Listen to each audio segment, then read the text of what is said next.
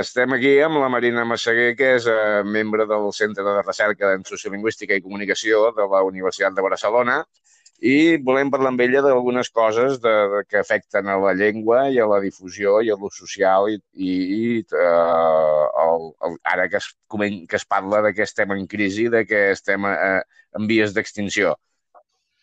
Marina, tu els últims temps has estat fent treballs, estudis.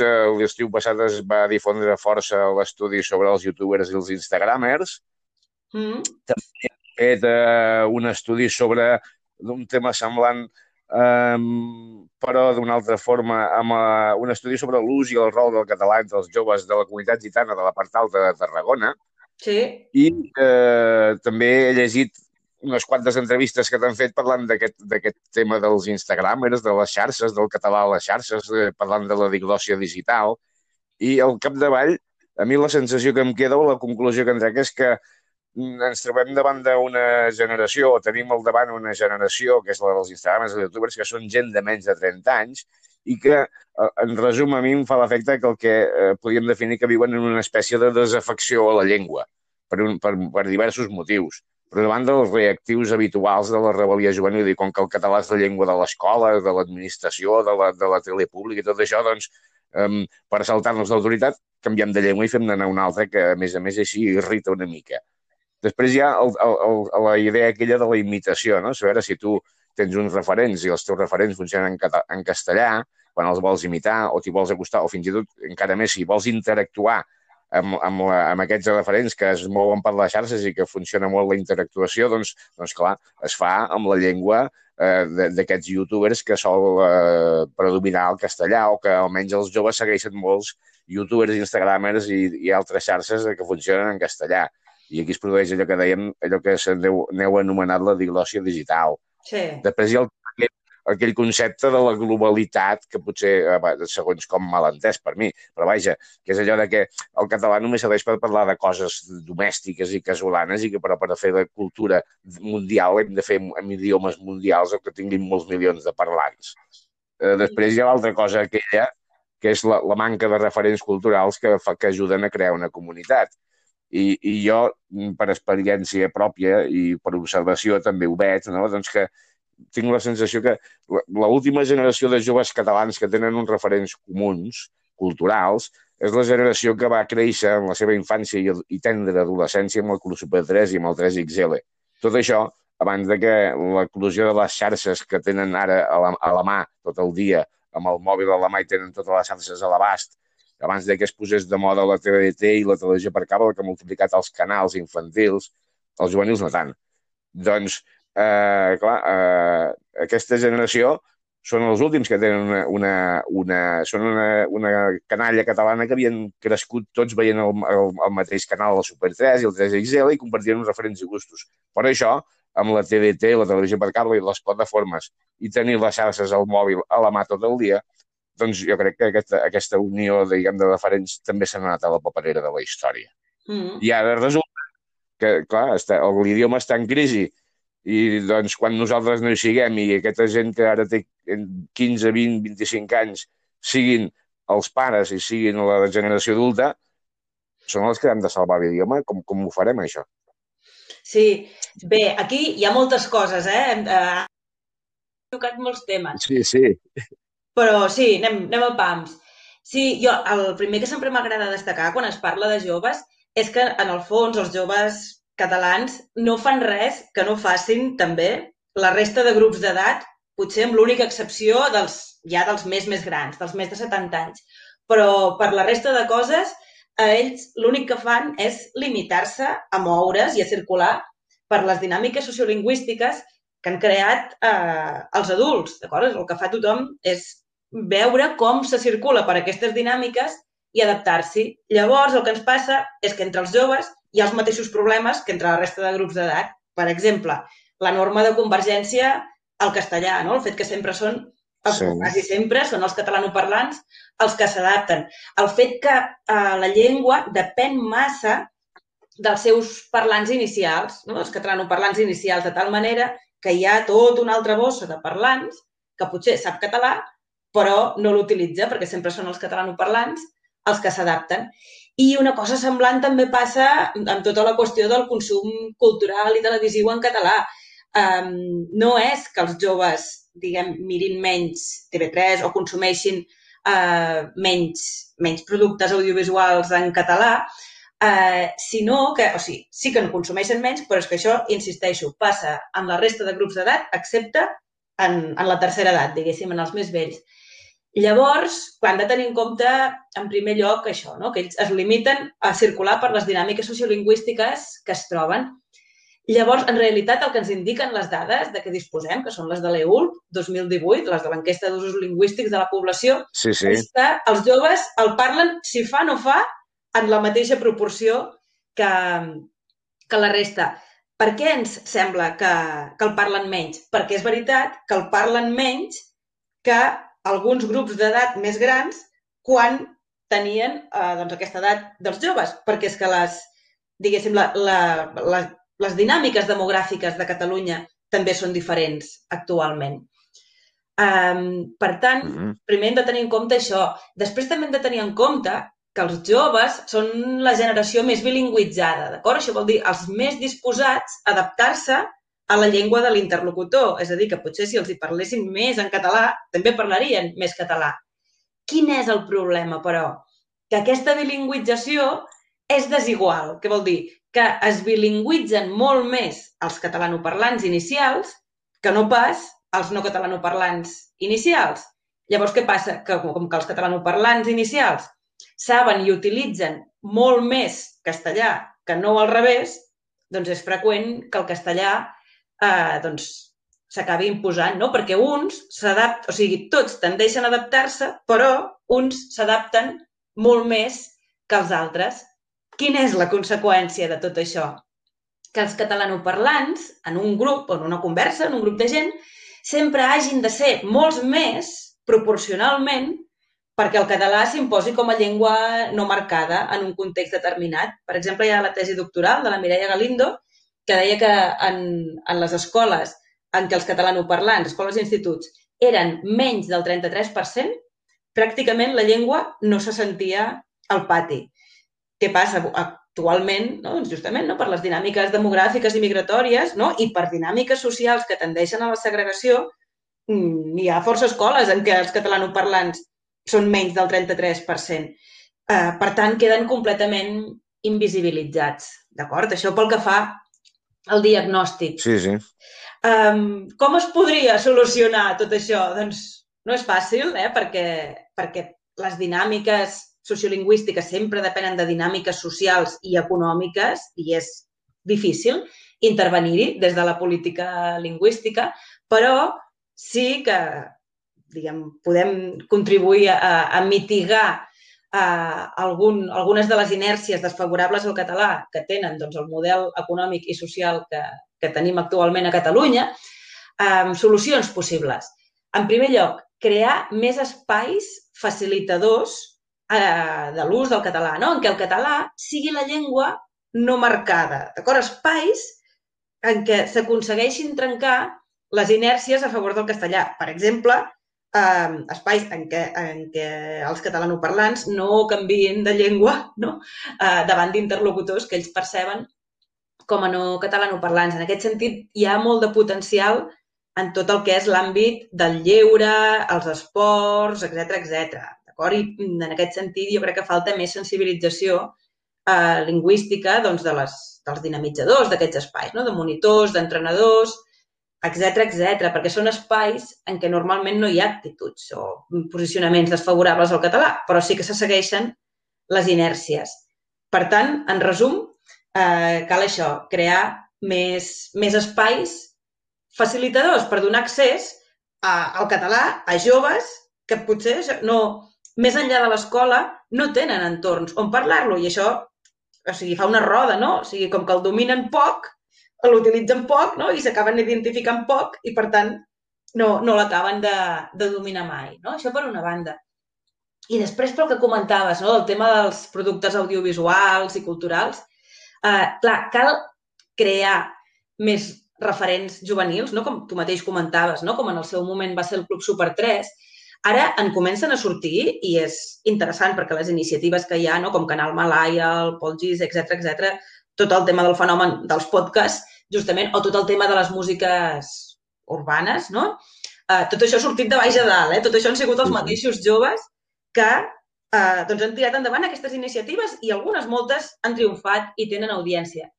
Quin grandíssim problema tenim ara que no hi ha una estructura, com en el seu moment va ser el Club Super 3, no? Televisió de Catalunya, que doni més potència a tot això. Hi ha aquestes iniciatives que funcionen i tenen èxit, però si no tenim una estructura, això, doncs, que hi doni sortida, que hi hagi una inversió pressupostària important i, i que tingui canals de difusió doncs, a, a nivell més macro, eh, clar, costa de, d'arrencar o de treure tot el màxim partit de tot això que s'està generant.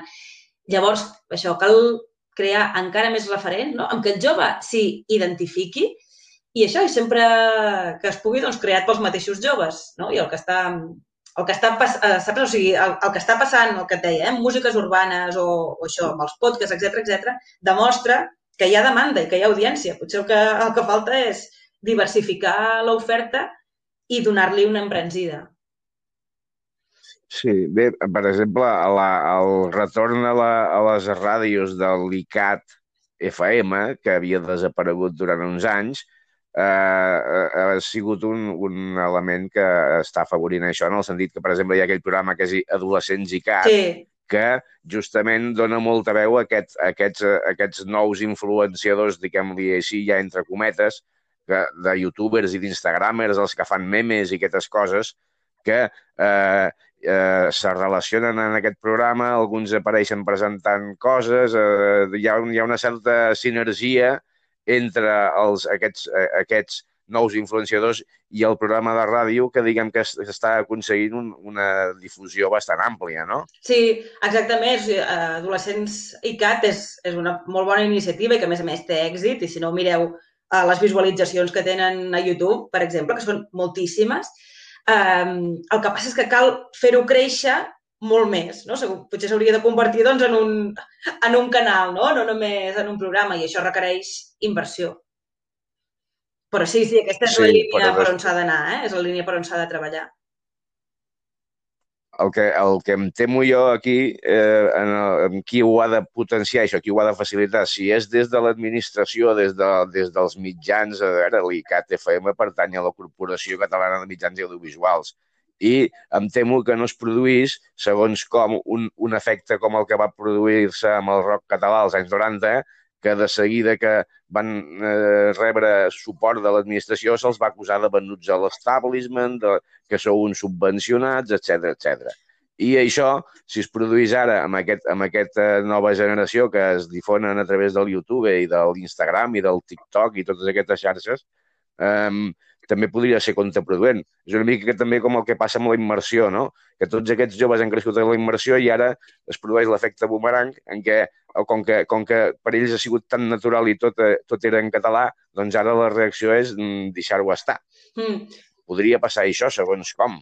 Bé, una cosa és que se subvencionin productes des de l'administració no? i que llavors això tingui una imatge doncs, excessivament institucionalitzada, que evidentment és una cosa que més aviat doncs, provoca rebuig, no? tant, en, tant entre els joves com, com entre els no tan joves, no? perquè és una cosa que, que no t'acabes de creure, no? que és com molt artificial. No? Si una cosa és for, forçadament guai, doncs malament. Per això és una cosa, però l'altra cosa és el que et deia, eh? posar unes estructures perquè una sèrie de coses que ja existeixen, no? un, un ecosistema, diguéssim, de productes audiovisuals, eh, doncs tingui sortida, no? I si vas a mirar, doncs, el que et deia, no? Abans, el Club Super 3, no? El TV3 mateix, evidentment, també és una cosa institucional i, i, i no per això va deixar de, de triomfar. Per tant, clar, això per una banda, i després també hem de tenir en compte que és que, o sigui, una, la, les llengües, no? Uh, vaja, si volen, diguéssim, uh, ser llengües eh, amb una certa viabilitat no? en el món contemporani actual, sempre han de tenir eh, doncs això, una estructura, no? unes estructures político-econòmiques al darrere. Llavors, què ens passa? Que a vegades les llengües d'estat, com que aquestes estructures político-econòmiques les tenim tan normalitzades, doncs pràcticament no les notem, no? De manera que sembla que només les llengües minoritzades facin política lingüística, quan és exactament el contrari. Qui més política lingüística fa són, són els grans estats. Llavors, hi ha coses a mi, quan, quan es parla d'això del rock català, no? a vegades eh, m'agrada posar l'exemple del que va passar amb la movida madrilenya just abans, durant els anys 80, que era un moviment cultural sí, que tenia sí, sí. el suport explícit de l'Ajuntament de Madrid, que s'hi van abocar moltíssims recursos a través de, del que en aquell moment era l'alcalde de Madrid, no? que era el Tierno Galván, sí, sí. I, i hi havia un projecte cultural sí. aquí darrere. I, I en canvi ningú critica això. En canvi, eh, moviments com el, com el rock català, que va tenir molt menys suport institucional, eh, doncs és una cosa que, que se li retreu. Vull dir, que de vegades, això, em sembla que només fan política lingüística les llengües minoritzades i que no, no només és així, sinó que és exactament el contrari. Dit això, estic totalment d'acord amb tu que això, no? que s'ha d'evitar que els productes eh, en català tinguin aquesta imatge institucionalitzada, però és que això es pot fer des de TV3 i, de fet, hi ha mil exemples, no? des de plats bruts fins a Merlí, no? de, fins al Son Goku, que s'ha vist que, que el que es fa des d'una estructura que sí, que sí que tenim com a comunitat lingüística, que és TV3, una altra cosa si centreu al màxim partit que se'n podria treure, però això seria un altre debat. Però, però les estructures les tenim. Ara falta doncs, treure'ls la pols i, i doncs, fer-les funcionar millor en alguns aspectes i dotar-les millor pressupostàriament, eh? que això tampoc voldria que s'entengués com una crítica només a TV3, no? sinó que és una conseqüència de, doncs, de les dinàmiques que, mm, polítiques que hi ha no? I, de, i de la falta de pressupost. Després, una altra cosa és que segurament caldria renovar TV3 no? des de molts aspectes i un és el generacional. Sí, sí. Mira, la comparació aquesta amb lo de la movida madrilenya m'agrada perquè és molt gràfica i és bastant és difícil de, de, de replicar. Eh, en tot aquest món del juvenil també hi ha, hi ha un altre aspecte de, de la diglòsia digital i és tot el tema dels jocs i de la i de, sí, dels jocs i les plataformes de jocs. Tinc per aquí una notícia de fa poc de, que parla de la Lliga Catalana d'e-esports, que són els esports, eh, esports eh, digitals, eh? Els, el FIFA i aquestes coses. Eh, mira, resulta que eh, l'any 2019 a Catalunya hi havia 145 empreses dedicades als videojocs que donaven feina a 400 treballadors i facturaven anualment prop de 500 milions d'euros. El 53% del volum de tot el negoci, del negoci de jocs digitals a l'estat espanyol. Aquesta Lliga Catalana arrenca el 6 d'abril i s'han inscrit un munt d'esports eh, estàndards reconeguts per la Federació Nacional, però què passa amb el món dels videojocs? Doncs que el català és pràcticament inexistent. I això que el 53% del volum es produeix des de Catalunya. Després això passa a un, amb temes de youtubers, allò, les diferents modalitats de, de, de, de diguem, d'influenciadors, tots aquells que fan les retransmissions de partides en directe i tot això, els gamers, eh, doncs clar, eh, també, igual al vostre informe apareix l'explicació dels Etican, no? que diu que sí, nosaltres vam fer un grup que era el Cattlefield i ho fem en català, però són una, una diguem, són una, una raresa dintre del, del sector. És com allò que una flor no fa estiu. Vull dir, amb el, amb, és difícil que amb el món dels eh, gamers que la transmeten partides per YouTube, si els jocs a què juguen no estan en català i sovint eh, fan, van directament en anglès, és difícil que eh, aquest, aquest àmbit dels youtubers eh, s'enxampli, no? Sí, Sí, efectivament, o sigui, uh, per una banda, clar, amb el tema de les xarxes, clar, el que a vegades passa és que, o sigui, per exemple, una de les coses que diem a l'informe és que hi ha poca diversificació de l'oferta a les xarxes en català. Però és que, clar, és que els àmbits que més coixegen, que això pot anar des de, com comentaves, els videojocs, fins a tot el que és el, el salsets, que diuen, no?, tot el que és el tema del cor, clar, són àmbits sí. en què abans de, de l'eclusió de, de les xarxes el català ja tenia mancances importants. No? Vull dir que en el fons és com una extensió d'unes dinàmiques que ja venien d'abans. Llavors, amb el tema dels videojocs, s'hi sí, sí. ajunta una altra cosa, a banda de, de la poca disponibilitat de jocs en català, que és la qüestió de, de la comunitat, diguem-ne, no? O sigui, passa que com que el castellà demogràficament no? doncs és molt més, uh, molt més gran que, que el català, clar, o sigui, passa que avui en dia, o sigui, um, especialment entre els joves, però també entre altres grups d'edat, o sigui, les comunitats, és a dir, uh, cada vegada té més menys pes el factor nacional i lingüístic i té més pes, especialment en el món virtual, la qüestió de les afinitats, no? de tal manera que jo potser puc tenir més en comú amb algú de Buenos Aires amb qui li agrada jugar al mateix joc que jo que no pas amb la meva veïna de, de Replà, no? Llavors, clar, això fa que les llengües amb més demografia parteixin amb avantatge, no? Perquè, perquè les parla més gent, no? I que, per tant, eh, això fa que creïs no? comunitat amb gent amb qui tu tens les mateixes afinitats i la llengua demogràficament més potent és, és la que funciona com a llengua franca.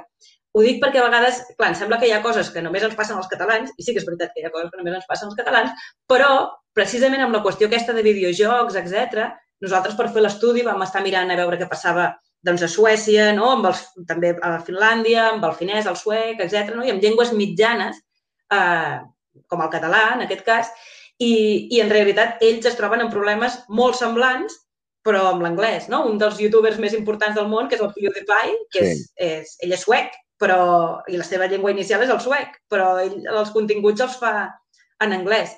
Què ens passa en el context de Catalunya? Que segurament molts youtubers, si poguessin, ho farien en anglès, però el problema és que no, no el dominen prou, però en canvi sí que dominen prou el castellà. No? Llavors, és això, és una qüestió que les llengües amb molta potència demogràfica, clar, o sigui, és, és, és una roda, no? Com que, com que hi ha molta gent que parla aquesta llengua, ofereix moltes possibilitats d'interacció i, per tant, més gent s'hi suma. No? És, és, això és una roda. Llavors, el que s'ha d'aconseguir, sí, sí. en el cas català, és que, bueno, aconseguir que hi hagi una comunitat de mida mitjana, d'acord? Que, evidentment, que no podrà competir mai eh, amb el castellà ni amb l'anglès, no? però és que de la mateixa manera que tampoc podrà mm, competir doncs, eh, el búlgar eh, amb l'anglès no? o el suec eh, amb l'anglès. Llavors, Sí, sí. Què hem d'aconseguir? No a aspirar a que hi hagi doncs, un, un ecosistema com el que funciona en castellà, en aquest cas, però sí a tenir el nostre propi ecosistema comunicatiu. I jo crec que això sí que hi podem aspirar, però falten les estructures que et comentava abans. Ah. No sé si t'he contestat la pregunta. Molt bé, molt bé. la pregunta que feia. Sí, sí. Sí. Sí, sí, no, és, eh, diguem que hi ha una sèrie de coses que s'interrelacionen i que s'influeixen mútuament en Exactament, i llavors, clar, també hi ha qüestions mm, ideològiques, eh? no cal, no cal dir-ho. O sigui, en el fons, el que passa amb el català a les xarxes és que o sigui, està immers en un cercle de minorització, no? Com que hi ha poca oferta i, poca diversific i poc diversificada, hi ha poc consum, perquè hi ha joves catalans que voldrien consumir en català, però no troben doncs, productes suficients per, per, doncs, per consumir no? o per consumir de manera tan diversificada com ells voldrien, llavors això pot fer pensar no? que hi ha coses que senzillament no es poden fer en català perquè ningú les ha fet i això genera que creadors, tant creadors com públic, els creadors no generin continguts en català i el públic no, no els busqui, no? de manera que es tanca el cercle.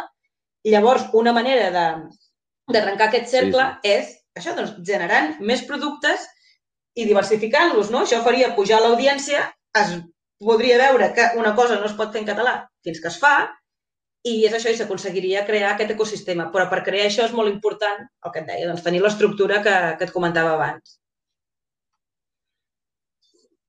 Mm. Sí, sí. Bé, haurem d'estar, haurem de tenir les ulleres netes i posades al nas per veure com evoluciona tot això